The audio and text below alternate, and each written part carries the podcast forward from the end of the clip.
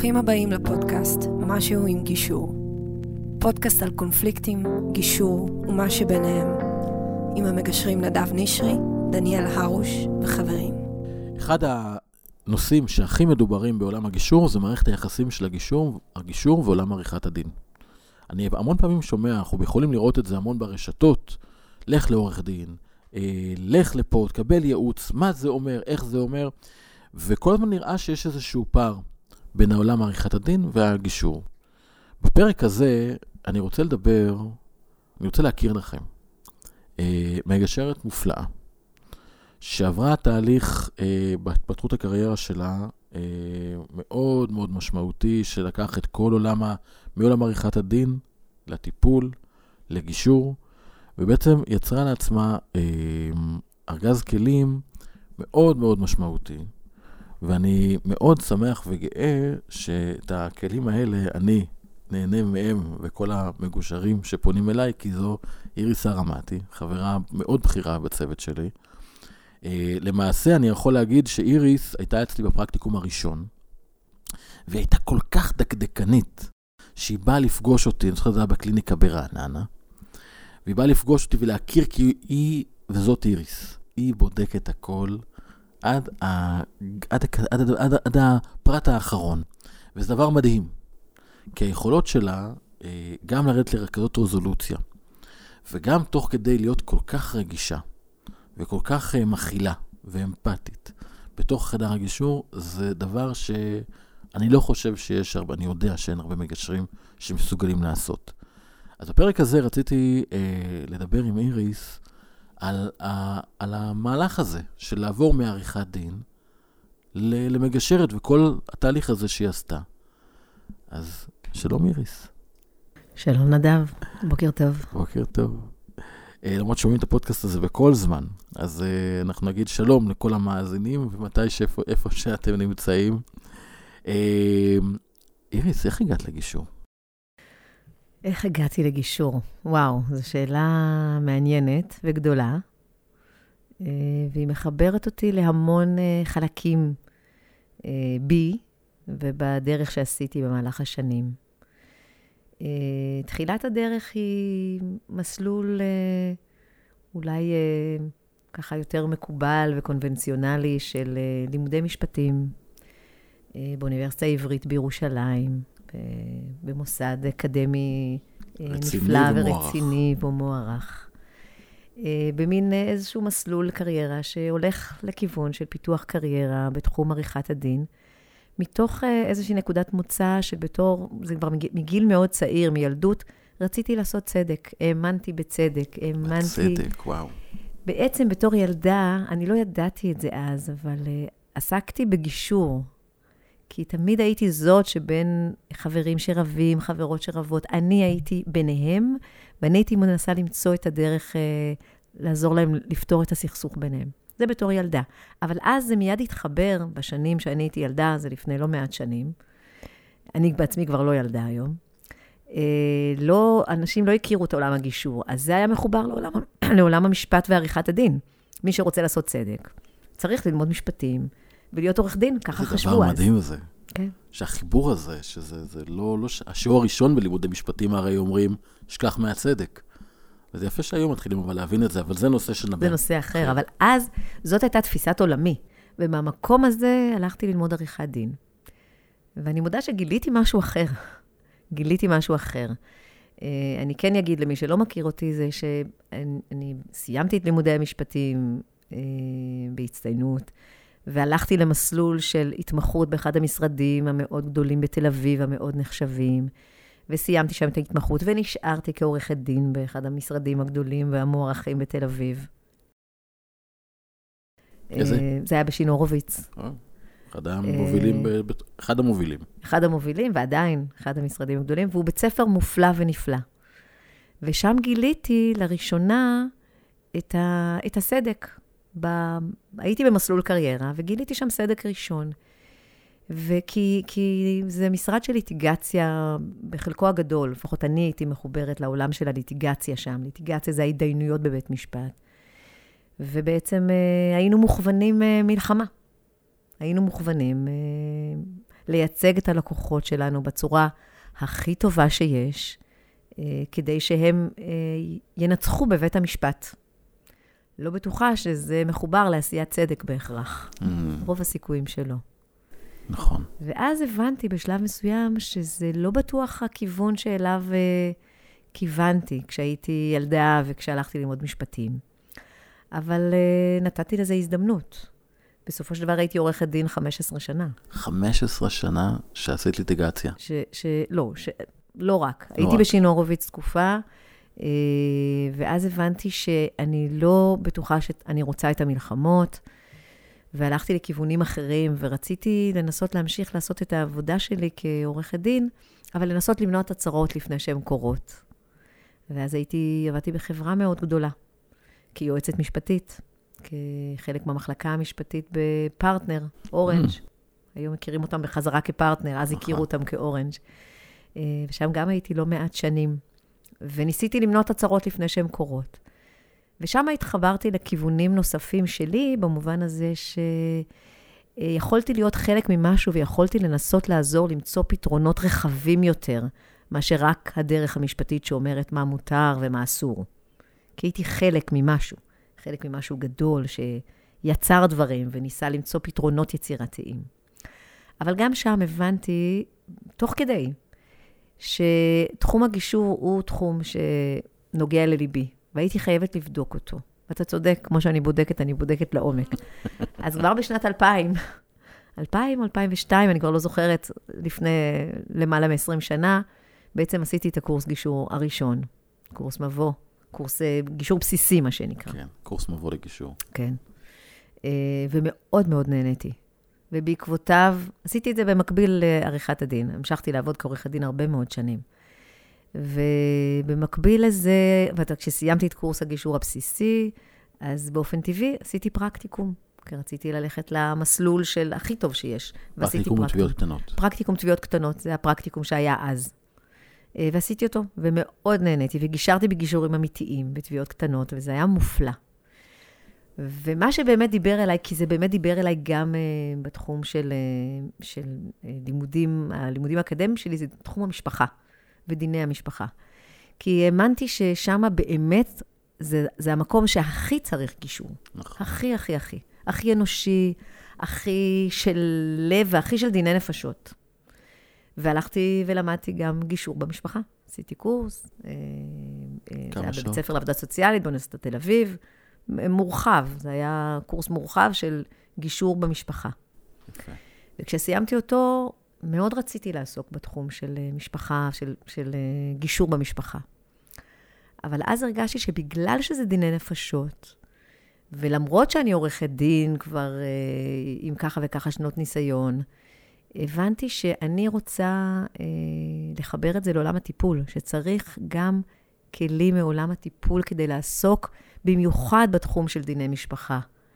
ו- וגישור בתחום המשפחה, כי שם באמת זה דיני נפשות, זה לא רק עסקים, זה לא גישור רק בעסקים, או גישור תביעות קטנות. יש שם גם, יש עוד מקומות שיש בהם נשמה, זה גם דיני עבודה, בתחום של דיני עבודה יש אה, אה, נשמה, כי יש שם אנשים, בכל מקום שיש אנשים.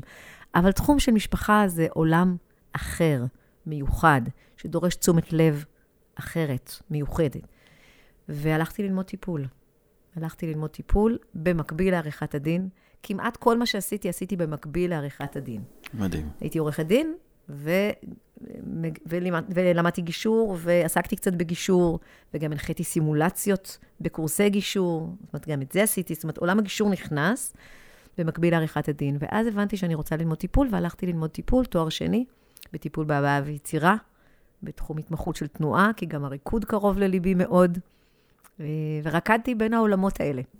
איזה יופי, תרתי משמע. למדתי טיפול אה, וסיימתי את התואר, ועסקתי בטיפול, במקביל לעריכת הדין. איזה יופי. עבדתי עם ילדים, עבדתי עם נוער, עשיתי הדרכות הורים, פגשתי הורים אה, בצמתים של אה, התלבטות של, ביחסים שלהם. הם באו להדרכת הורים בגלל הילד, אבל בתוך, בתוך הדרכת ההורים, היחסים בין ההורים הם, הם עולים, כי זה מה שיש בבית. נכון. ומצאתי את עצמי הרבה פעמים... אה, עושה חצי טיפול להורים, או מייעצת להורים, או מסתכלת על המשפחה ביחד עם ההורים, ופוגשת הורים בצמתים האלה, גם של uh, מחשבות על פרידה וגירושין, גם על מחשבות של איך עושים את החיים יותר טוב בכיוון של שלום בית, אבל זה היה בכובע הטיפולי שלי, בכובע הטיפולי. וככה עברו כמה שנים שעסקתי גם וגם, וגם בעולם, uh, בתוך זה גם עולם של תנועה וריקוד, ובכל כיוון פיתחתי קריירה. פיתחתי קריירה כעורכת דין, פיתחתי קריירה, קריירה כמטפלת, uh, פיתחתי קריירה בעולם הריקוד והתנועה. והבנתי בשלב מסוים שאני רוצה, אבל העולמות היו מפוצלים. הייתי בכובע כזה, זה 100% עורך הדין, בכובע כזה, 100% מטפלת. למרות שהאיכויות הרכות שלי הגיעו גם לעולם המשפטי, גם לעולם של עריכת הדין. הייתי בחברה מופלאה, במקום מופלא דאז, ו... אז, אז יכולתי להביא לידי ביטוי גם את החלקים האלה, היותר רכים ועגולים, לתוך עולם, אם אני אדבר בשפה של ה... תחום שעסקתי בו, של התנועה, אז לעולם של סטקטו. זה בא מעולם של חמשת המקצבים, שזה תחום שהייתי מורה שלו. בעולם של סטקטו הבאתי איכויות של flowing. הבאתי איכויות של זרימה, ושל רכות, ושל הקשבה, ושל הכלה בתוך העולם הזה. ובתוך כל הדבר הזה הבנתי, מתישהו נפל לי האסימון, שאני רוצה לחבר את זה, את כל זה בחזרה לעולם הגישור, ולעסוק בגישור, שזה הדבר. שזה מחבר את העולמות המקצועיים שלי ומחבר את האיכויות האישיות שלי. ששם זה שלם, ששם זה לא מפוצל בתנועת מטוטלת בין זה או זה. זה גם זה וגם זה, וזה יכול להיות ביחד. ואז חיפשתי. חיפשתי איך אני יכולה אה, לחבר באופן שמתאים לי. אה, עברו כבר כמה שנים מאז שלמדתי דיני משפחה, העולם גם בתחום הזה השתנה. אז נכון המשכתי לעסוק ולגעת בעולם הגישור, אבל בכל זאת רציתי איזשהו משהו שיאפשר לי כניסה עמוקה יותר למים, קפיצה עמוקה יותר למים, כי יש פער מאוד גדול, אני מניחה שאנשים יודעים את זה, בין לימודים תיאורטיים לבין השטח. לא סתם... שמיים וארץ. בדיוק. לא סתם במשפטים, אתה מסיים לימודים ואתה עושה, פעם זה היה שנתיים, אבל היום זה שנה של התמחות. חזר לשנתיים. אז, אז, אז, אז, אז כשאני הייתי, זה עדיין היה שנה. ו... וחיפשתי את זה בגישור, ולא היה את זה. לא היה התמחות בגישור. היה את הפרקטיקום, נכון, אבל זה תביעות קטנות, ואני רציתי משפחה. רציתי את הדבר הזה שאליו כיוונתי, שבשבילו למדתי. ואז חיפשתי וחיפשתי, ואז מצאתי אותך, נדב. אה, ופתאום אה, ראיתי שמציעים כזה דבר, מציעים אה, פרקטיקום בתחום של גישור משפחה. ואני, כמו שאני באמת אוהבת לעשות, אז עשיתי את הקורס למרות שיש לי כבר את כל התעודות שצריך, עשיתי את הקורס דיני משפחה המורחב ואת הפרקטיקום בדיני מש... בתחום המשפחה, באמת במחזור הראשון שאתה פתחת, וזה היה מופלא. וזה נתן לי אישור מאוד מלא אה, לכל מה שגם ידעתי וגם הרגשתי, שזה הדבר. ושאני רוצה, שאני רוצה לתת לזה, לגישור בתחום המשפחה, את המקום את מלוא המקום והכבוד שמגיע לו. והשאר זה היסטוריה. שאר זה היסטוריה, כן, החזרת אותי לנקודה הזו, שאני חיפשתי אותך. ולא לא ידעתי שזו את, זו את, לא ידעתי שאיריס, ידעתי, אני צריך מישהי, אה, מישהי אם, אה, כי אני מסתובב ברחבי הארץ, ו... ועובד ועובד ועובד, ו... ורוצה להתפתח ולגדול, ואני מבין שאני בצוואר בקבוק, ואני חייב אה, מגשרים. אני זוכרת שגם דיברת על הבדידות שבמקצוע. נכון. נכון. זה היה מאוד בודד שם. אני ממש זוכר שכל הזמן עולים לי רגעים כאלה שאני נוסע, יש תמיד איזו תמונה כזו, שאני חוזר מנהריה בגישור עם האופנוע. מורכב, מורכב, את יודעת, מהגישורים האלה שאת יוצאת. כן. וכמה שלא נגיד אנחנו מעבירים את זה, זה, זה ליד, זה, זה, זה, זה נכנס. נמצא, זה נכנס. זה, זה המיומנות, אבל שם היה אחד שממש, הוא, הוא ממש uh, נכנס לי. והבדידות הזאת, אני חייב את, ה, את, ה, את, ה, את החברות, את הלמידה, את, ה, את הקבוצת עמיתים שיהיה. ואני יותר מתפתח כי אני לא יכול לנסוע כל הזמן לנהריה ולחזור ב-11 בלילה, זה לא, זה לא צורה. אה, וניסיתי, היו ניסיונות. שהכנסתי אה, אנשים נפלאים, אני לא, זה, זה, המבחן תמיד היה קודם כל לקחת אנשים נפלאים. אז עורכי דין, ופסיכולוגים, ועובדים סוציאליים, ו, וניסיתי, כי כל אחד בא ודיבר איתי בפגישה אחד על אחד, אמר את הדברים הנכונים, אבל בגלל חוסר ניסיון, זה לא עבד. והבנתי שאני לא יכול לדלג על שלב ההכשרה, ולכן החלטתי לפתוח. והייתי עם המון המון חששות לשלב הזה. כי, כי מי אני שאני אתחיל עכשיו ללמד, ובניתי פה קורס שהוא בשיטה הפרקטיקה שאני יצרתי, שלא לא היה. ואז את באת. אני רוצה להגיד לך שהמקום הזה שבו את ירדת לנקודות הכל כך קטנות, נתן לי המון ביטחון. כי, כי היו לי תשובות. היו תשובות, יכולתי, יכולתי להתנהל. ואז מתוך הקורס הזה, אז uh, אני באמת זכיתי בשתיים. אותך ואת רונה. בהתחלה את עבדת, והתחלנו שם ופרחנו, ואז עשית לי תרגיל קטן. הודעת לי, אני יכול להגיד. אתה יכול להגיד, בטח, אני אז אני לקחתי מגשרת, מהממת ונפלאה, ונוסעת, והיא מוסר עבודה, ועושה עבודה. פתאום אומרת לי, אני בהיריון. עכשיו, זה מדהים. אבל עד חודש אה, די מאוחר המשכתי לנסוע בטירוף בכל הארץ. ואז נהיה שמירת הריון, כן. ומורכב. כן. אבל היום יותם היא כבר בן שנתיים. יותר? כבר שנתיים ושש. שנתיים וחצי, שנתיים ושש, יאללה. איך הזמן רץ. לא, זה כן. מדהים כמה איזה דרך עברנו ביחד. כן, כן. אנחנו רצים בחיים, ואז חזרת, ועכשיו אנחנו שוב ככה בשלבי ההמראה שלנו. ואני רוצה להגיד, כשאת מתארת עכשיו את הכל ככה, כאילו, לא, לא עשינו שיחה כזאת. לא, לא עשינו, אתה יודע, ובתוך זה גם, אני חייבת להגיד שגם ה... בתוך עולם הגישור, בתוך החיבורים שעשיתי בשנים האחרונות, כדי לחבר בין העולמות, גם עשיתי את ההכשרה של אה, עמותת קדם לנוער ורחוק, בתחום נכון, של צדק מאחה. וואו, נכון. וגישורי נפגע פוגע. אז בעצם... את עשית את הדרך, את יודעת, כשאני מדבר על זה שגישור צריך להיות תואר. יש לי במגירה ממש, יש לי תוכנית סילבוס לתואר. והתואר בגישור הוא חייב להכיל גם היבטים משפטיים, אבל המון היבטים מעולם הטיפול. והמגשרים הטובים ביותר, אני מוכן להגיד את זה, זה אלה שלקחו את כל האסכולות. כי לבוא עם קורס של 60 שעות, שזה זה באמת, זה הקורס שאני עשיתי איתו חינם באינטרנט, הוא פתוח לכולם. זה, זה קורס מבוא, זה לא מספיק. זה רחוק מלהספיק. בוודאי שלא. לעשות קורס דיני משפחה, היה לא מזמן להתקשר לאיזשהו עורך דין. הוא אומר, אני רוצה לבוא לפרקטיקום, אבל כל החלק המשפחי, תחסוך לי את זה, אין לי מה לבוא לשם. אני אומר אבל מה זה תחסוך את החלק המשפטי? זה הכל ביחד. זה לא, אין פה נכון, לא נכון, אין פה את המשפטי הזה, זה לא דיני עבודה. זה חיבור בין העולמות, זה ממש בדיוק. חיבור. ומי שחושב שהוא יבוא כמש, כמשפטן לחדר גישור, וזה יעבוד, הוא יטעה. מי שיחשוב שהוא יבוא כמטפל לחדר גישור, בלבד, זה, זה, זה, זה לא יעבוד. אני יכולה להגיד את זה מניסיון ממש מהעיניים שלי. כשהייתי רק עורכת דין ובאתי לגישור, ורציתי לעסוק בתחום של אה, משפחה, אני זוכרת את עצמי אומרת לאנשים סביבי, ואני יודעת לך על שנים רבות אחורה, בשנות האלפיים המוקדמות, 2004, 2000, כאילו, עשיתי את המסלול. אמרתי, אין, חייבים כאן לבוא מעולם הטיפול, חייבים פה כלים טיפוליים. נכון. זה לא מספיק הכלים המשפטיים שיש לי והיו לי.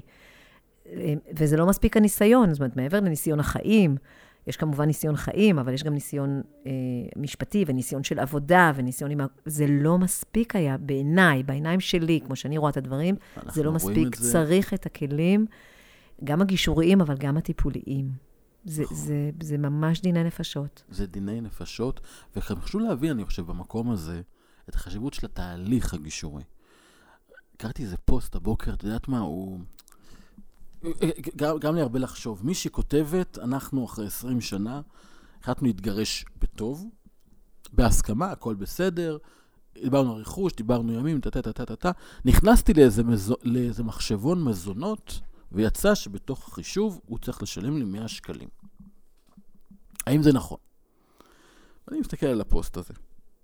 אני אומר, טוב, גם אם אתם תעשו הסכם, הרי, ויש פה בעיה, כי את הנושא של המזונות חושבים שזה מחשבון, זה לא מחשבון, כי כל מקרה לגופו, לעולם לא נדע מראש מה נכון. אין פה תשובה משפטית של נכון, לא נכון. זה נושא לפודקאסט נפרד אפילו. זה פודקאסט, נושא. אנחנו נעשה את זה.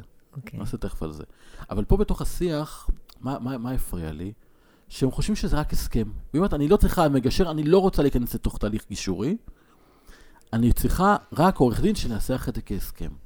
עכשיו, יש הרבה כאלה שעושים הסכם, גם לנו יש את השירות של האונליין. אני חושב שלפעמים, כשהכול בהסכמה, הכל בטוב, ילדים גדולים, הכל ברור, עברו איזשהו תהליך טיפולי, תעשו רק הסכם. אבל אם רק הסכם, רק משפטי, בלי שהיה איזשהו תהליך טיפולי, שמדברים על הדברים, עושים closure, מתמודדים עם הפרידה, אז הם לעולם לא ייפרדו. ואם לעולם לא ייפרדו, אז תמיד יהיו אה, זרדים כאלה שנזרקים ביניהם, Mhm. ומילים ועקיצות, והילדים ירגישו את זה והם ירגישו את זה, כי לא היה closure.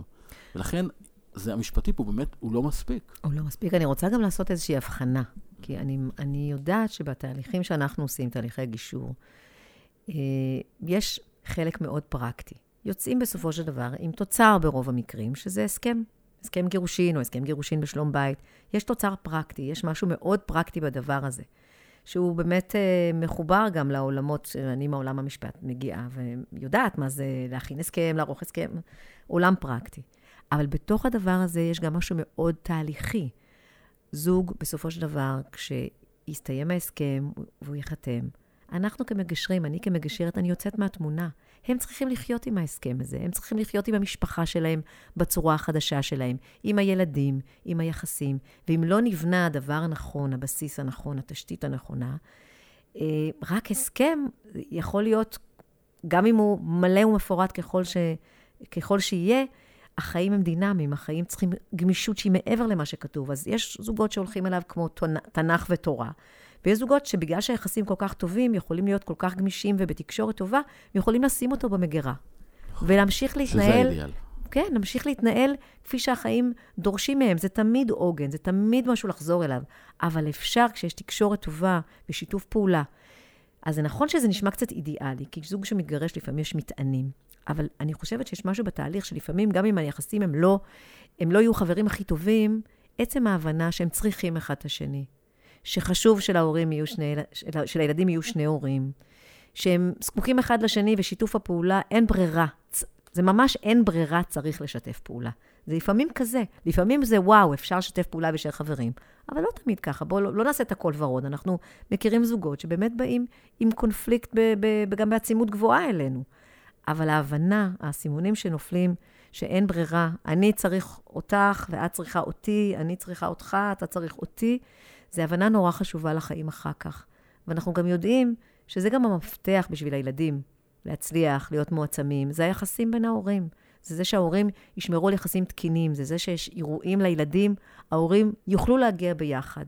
ישבו קרוב יותר, קרוב רחוק, עדיף שישבו קרוב, כדי שהילדים יראו את שניהם ביחד. נכון. ולפעמים זוגות שמצליחים להגיע עם בני הזוג הנוספים, כי... ואני מכירה כמה זוגות כאלה מקרוב, שבני הזוג החדשים בתקשורת מעולה אחד עם השני, וזה מדהים. זה, זה, זה הרחבה של המשפחה, זה מקסים. אז נכון, לא כולם, זה לא, אנשים לא רואים את זה בזמן שסמוך לפרידה, כי לפעמים יש כאב וכעס ופגיעות נוראית. אבל ההבנה שאין מה לעשות, כשיש ילדים, אנחנו נמשיך את החיים האלה כמשפחה בצורתה החדשה להרבה מאוד שנים. ואחר כך זה נכדים, זה לא נגמר, היא קריטית. נכון. ובתוך תהליך הגישור, לכן הנושא התהליכי הוא חשוב. אני כן רוצה לעשות עוד הבחנה, שזה לא טיפול. זה כן חשוב לי להגיד, שאנשים לא יתבלבלו. יש את עולם המשפט והעולם הפרקטי, יש את עולם הטיפול, ויש את התהליך הגישורי.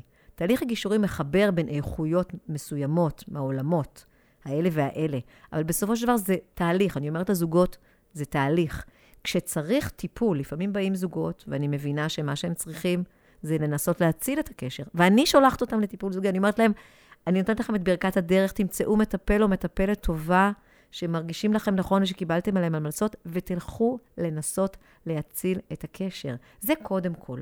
אני חושבת שצוחקים עליי במשרד, אבל, אצלנו במשרד, אבל אני סללתי את דרכי לגן העדן, כי שלחתי הרבה זוגות לטיפול. צוחקים? אנחנו מפרגנים. לא, אני יודעת, צוחקים עליי שאני, שאני, שאני זאת ששולחת זוגות לטיפול, אני יודעת שזה מפרגן. אנחנו שולחים כולנו, זה נפלא לגמרי. אני יודעת, אני יודעת. אבל... מעולה, כל זוג שלא מגיע אלינו, כי הלכו לטיפול, מדהים. אנחנו בעד. בטח. אנחנו בעד. ואני שולחת הרבה פעמים זוגות לטיפול, כי אני רואה שזה מה שהם צריכים, כי הם עוד לא בשלים לפרידה, כי הם עוד לא סגורים, כי מישהו הניף דגל אדום, אבל מה שהם רצו בעצם זה להציל את הקשר. נכון. ובשביל זה יש עולם טיפולי, ובשביל זה יש מטפלים זוגיים, ויש כאלה בארץ מאוד טובים, נכון. כמובן בעולם. ואנחנו מברכים על כל זוג שמצליח להציל את הקשר. אבל, אבל, אם זוג בסופו של דבר מגיע למסקנה, ויש לי זוגות שחזרו, בתוך טיפול, שזה לא עובד, הם באים הרבה יותר בשלים אחר כך לפרידה. נכון. והטיפול עוזר להם לעשות גם את הפרידה נכון. תמיד כשאפשר ללכת לטיפול, נכון. לכו לטיפול, זה, בדיוק. זה ברור. גם תוך כדי פרידה, אגב. בטח. כי זה, זה עוזר, בכלל טיפול, העולם הטיפולי, אני, אני מעריכה ואוהבת אותו מאוד, כי הוא עוזר לתמוך ברגעי משבר, ברגעים קשים בחיים, שאנשים חווים הרבה פעמים גם במצב של חד פרידה. משמעית. אנחנו רואים זוגות שהלכו, הולכים לטיפול, גבר או אישה, שתיהם, כל מי שהולך, הוא מתמודד הרבה יותר טוב עם התהליך הזה. לגמרי. חד משמעית. אתה יודע, אתה מתחבר לי פה על מה שפעם היה נהוג. והרבה אנשים, לצערנו, עדיין מכירים את הדפוסים של פעם, שמתגרשים אז פותחים תיק. פעם היה כזו גישה, כן. ויש כאלה שבאמת עושים את זה, לא כי רוצים להתגרש, אלא רוצים לעורר אותו. הבעיה שברגע אותה. שמתחילים אותה, וברגע שמתחילים, אה, את הצד השני התכוונתי, ברגע שמתחילים ב, ב, בפתיחת התיק, בשיח המשפטי, אז אנחנו בקלות יכולים לאבד שליטה. ואז גם המקום הזה הוא נופל. לעומת בגישור, כשבאים אלייך ושומעים את השפה הזו, אומרים, לא, לא, זה בסדר שיש קונפליקט ויש פה צומת, עכשיו אפשר לדבר עליו, אפשר ללכת לטיפול, אפשר, אפשר, אפשר להישאר גם בגישור, זה בסדר גמור. כך או כך, את מצליחה להכיל את. התהליך הזה, ואז הם בטוחים, הם יודעים שמה שהם לא יבחרו, הם יבחרו וזה יהיה טוב, וזה לא יביא להקצנה. וברגע שזה מתחיל או בהקצנה, אז גם יישאר ככה, בדרך כלל. זה נכון. הסיפור פה. איך את עושה את זה, אבל? איך אני עושה את מה? את, ה, את השלב הזה של לקחת אנשים שהם מאוד חוששים, מפוחדים, לא מאוזנים, אחד רוצה יותר, אחד רוצה פחות, הם לא מדברים בצורה אה, כנה לחלוטין, כל אחד שומר קצת קלפים ל- ל- לחזה, ופתאום הם יושבים איתך, ואת צריכה לעזור להם להגיע לאיזושהי הסכמה מתוך תהליך. איך את עושה את זה? קודם כל אנחנו יושבים ומדברים. ואנחנו מדברים עד כמה שאפשר מתוך הלב, בכנות. זה חשוב. אה, ואני עושה את זה גם כשהם יושבים ביחד, ואני עושה את זה זה גם חשוב? בשיחות נפרדות. למה זה חשוב? כי זה בסיס ותשתית ל- ל- ל- לחיים שאחרי. Mm, כי כדי שאני יוכל, אה, אני, כדי, אם אני משתמשת בכנות, אז אני יכולה להגיד בצורה גלויה וברורה למה אני זקוקה. mm, או זקוק, מה אני צריך מתוך התהל... בתוך התהליך, וגם מבין, גם מהפרטנר שלי לגידול הילדים. אני מדברת בעיקר על הורים עם ילדים, זה נכון גם להורים בלי ילדים, אבל הדברים היותר מורכבים זה כשיש ילדים קטנים שצריכים לגדל ביחד. אז, אז יש שם היותר... ששם יותר רואים את זה, יותר כי זה יש צורך לוגיסטי, אבל זה קיים אצל כל זה זוגות. לא, מניסיון, זה קיים אצל כל זוג. זה לכל החיים. יל... או ילד... ילדים להורים לגרושים, זה לכל החיים. תמיד יש את ההסתכלות הזאת על ההורים. ברור, לא, אני מתכוונת. למצבים של אה, הורים שבאים להתגרש ואין להם בכלל, אומרת, זוגות שבאים להתגרש ואין להם בכלל ילדים. אין ילדים. אה, כשאין ילדים, אז נכון, באמת אפשר להיפרד ולא להיפגש יותר. נכון. זה רק עניין רכושי פלוס. אבל, וקצת יחסים, אבל בגדול, אני, כשיש ילדים, לא משנה אם הם בגירים או קטנים, הילדים תמיד בתמונה, זה נכון גם אחרי שהם בגירים. נכון. הם תמיד שם, והרבה פעמים לפעמים זה גם מעורבב בין חלק בגירים וחלק קטנים. היחסים תמיד נמצאים. אז, אז הדרך לעשות את זה היא קודם כל באמת לעודד את הכנות. לפעמים היא לא קורית מיד, והיא לא קורית בהכרח כשיושבים ביחד. אז אני עושה גם פגישות נפרדות. ואני נותנת את המקום לכל אחד ואת המרחב להיות גלוי ורגע כן עם עצמו מולי, בלי שהפרטנר הש, השני יודע. מה החלומות שלו? מה הוא רוצה? לאן הוא רוצה להגיע? מחשבות על זוגיות חדשה, המון פעמים קשה להעלות בשיחה משותפת, בטח בהתחלה, אבל בשיחה נפרדת אפשר לדבר על זה. אפשר לראות לאן רוצים להגיע, מה חשוב באמת, מה חשוב לי יותר ומה חשוב לי פחות. זאת אומרת, המקומות האלה, אה, בשיחה כזאת, ואז מתוך המקום הזה, הם, זה מקומות משמעותיים, כי כשאדם עושה את התהליך עם עצמו, יש הרבה אנשים שמגיעים, הם עוד לא עשו את, החשיבה הזאת בכלל עם עצמם, הם לא העזו עם עצמם להסתכל מעבר ל... לתוהו ובוהו שנמצאים בו עכשיו, מעבר לקושי ולקונפליקט של עכשיו, הם לא העזו להסתכל שנה קדימה, שנתיים קדימה, חמש שנים קדימה, הם לא העזו. ופתאום כשאנחנו מעזים להסתכל קדימה, יש איזו בהירות, יש איזו הסתכלות שיכולה לראות מעבר לסערה של עכשיו. ואז מהמקום הזה אפשר רגע להסתכל מה יביא אותי, אותי לשם, מה יביא אותנו לשם. מה, איך אני יכולה, איך אני אהיה בטוב, ואיך אני מבינה או מבין שגם כשלשני יהיה טוב, אז לילדים יהיה טוב ולי יהיה טוב. זה, זה, זה, זה, זה דברים מחוברים, יש כל הזמן, זה כלים שלובים. מהמם. זה ממש כלים שלובים. אומר שזה כל כך לא... אני חוזר, אני אחבר רגע לתחילת השיחה שלנו, כי אני מתארת פה תהליך שהוא מדהים, שהוא גם מאוד פרקטי, והוא גם מאוד, הוא יש בו היבטים טיפוליים, ובעצם הצלחת פה לחבר בניסוח פשוט נפלא. שזה הגישור, זה, זה, זה, זה, ה- זה השפה זה שלנו. הדבר. ו... אני, אני רוצה לדייק, כי, כי, כי בא לי לעשות איתך עוד פרק. אז okay. אני אוקיי. רוצה ככה, אני, אני, אני אדייק את הפרק הזה, ואם יש משהו, יש, יש משהו שאת רוצה להוסיף על זה, אז, אז, אז, אז אני אתן לך עכשיו. כן.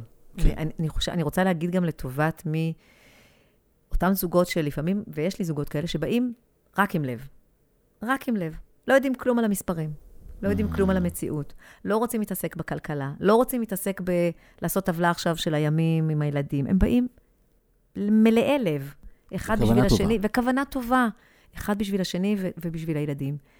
ועם אותם אלה שבעצם ברמה התהליכית עשו עבודה מופלאה ביחד, פה אני גם משתמשת בכלים הפרקטיים האחרים, כי אני נכון. צריכה לכנס אותם בסופו נכון. של דבר, לעזור להם. אה, לקחת את הדבר הזה שהוא פלואידי, והוא עם כוונות טובות ולב, וליצוק בו תוכן שהוא פרקטי לחיים. כי בסופו של דבר, הילדים צריכים להתעורר בבוקר, ולדעת אם הם היום עם אימא, או היום עם אבא. נכון. מי לוקח אותם לחוג. וגם ההורים מי- צריכים לדעת. וההורים צריך צריכים שלא לדעת. תהיה שכונה. אני צריך רוצה. ללמוד. רגע, זה יום שאני יכול ללמוד בו או לא? לי יש אילוצים, יש ימים שיש לי ישיבות בעבודה. אני לא יכול להביא את הילדים למסגרות. מה עושה? מי, מה עושים? מי כן מביא אותם למסגרות? איך זה עובד? ובעצם במקומות האלה, הפרקטיקה, כי אני תמיד אומרת, זה גם תהליכי וגם פרקטיקי. נכון. פרקטי. הפרקטי הוא חשוב גם. צריך להפוך את זה למשהו שהוא ישים בתוך החיים. אז זה החיבור בין העולמות. זה אני אומרת לטובת מי שאולי בשיחה כזאת מרגיש שאנחנו רק עוסקים בלב, וזה נשמע אה, אידילי. אנחנו אנחנו גם מאוד עוסקים מאוד בפרקטיה. צריך לדבר על הכסף. חד משמעית. איך סוגרים את החודש, בתים, חברות, הרכוש. אופציות, מניות, על הכל איך אנחנו חולקים מדברים. בהוצאות הילדים? איך זה עובד הדבר הזה? זה דברים שלהרבה אנשים, לפעמים רק לצד אחד, לא קל לעסוק בהם. נכון. אבל אנחנו גם את זה עושים. אנחנו מנגישים את הדבר הזה לאנשים, כדי שהם יוכלו לעסוק בו, כדי שהם ידעו איך הם פותחים את החודש, איך הם סוגרים את החודש, מי מח... מי... איך... איך משלמים את הוצאות הילדים, איך זה עובד הדבר נכון. הזה. זאת אומרת, בוא נגיד את זה. גם באמת. אני רוצה באמת- להגיד את זה. כן, כן, זה- אני אחזק את זה אפילו. בתוך התהליך איתנו, בתוך המ- המודל העבודה שלנו, אנחנו ממש יושבים עם משפחה, בונים תקציב משפחתי, פותחים את לוח השנה, ממש מתכננים עקב בצד אגודל עם ראייה ל- לרחוק, לפי גם גילאי הילדים, איך הם יהיו, יתנהלו, מה יהיה, איך יהיה. תוך כדי יש תהליך רגשי שלם שהם עוברים, שבעצם מתוך השיחה לעתיד הם בונים את העתיד וגם מתמודדים עם הפרידה מהעבר. ואז גם מקבלים בסופו של דבר את השילוב הזה בין התהליך הרגשי והתהליך הפרקטי. יש הסכם, ההסכם הזה הוא לא רק סתם חתיכת נייר, זה בדרך כלל 12 ל-18 עמודים, ההסכם שלנו, הוא לא משהו קטן, כזה, ההסכם. הוא לא לא, קטן. הוא לא קצר, כן. הוא לא קצר, הוא מפורט מאוד, והוא ממש מדבר מה קורה בכל סיטואציה. זאת אומרת, זה, זה מבחינתי היופי ב... הוא ב- ב- הופך את ההסכמות שהזוג הגיע אליהן במהלך הגישור למשהו פרקטי וישים נכון. ומאוד מאוד מפורט. ואז שייכנס לתוך המגירה, שלא ישתמשו בו יותר לעולם, אבל אם תהיה מחלוקת, חוזרים אליו. חוזרים אליו. או אם צריכים רענון. אוי ואבוי, נכון, כן. נכון. או אם יש שאלה שלא זוכרים על מה, מה אמרנו, מה הסכמנו, רוב הסיכויים, אני כמעט חותמת על זה, שזה כתוב בהסכם, כי אנחנו, נכון. אין אבן שאנחנו לא הופכים. נכון. גם בהסתכלות קדימה על תרחישים שיכולים להיות, שהם אפילו, הזוג לא תמיד חושב עליהם לבד, אנחנו מעלים את השאלות, זה התפקיד שלנו. נכון. לשאול את השאלות, כדי שהזוג יוכל לחשוב ביחד, לעזור להם כשצריך לפנות, לפ, למצוא פתרונות יצירתיים ולפתור אם יש פערים, לגשר ביניהם, אבל שבסופו של דבר ההסכם ייתן מענה לכל סיטואציות החיים שאפשר אה, לחשוב עליהם מראש. וגם אם לא חשבנו מראש, אז שיהיה במנגנון מנגנון, נכון. שיעזור להם לפתור מחלוקות גם בעתיד. נכון. יש לי סיפור ספך על המנגנון הזה. אה, אוקיי, טוב. אז אני רוצה להגיד תודה רבה. אנחנו יכולים לעשות עוד פרק. אני מכין עכשיו את המאזינים. הולך להיות עוד. פרק על שאלה מאוד מאוד מאוד אה, שנשאלת על הזכויות בהליך הגירושין. אנחנו הולכים לדבר על זה. אה, ויהיו איתך עוד פרקים. אני כבר אומר, אנחנו...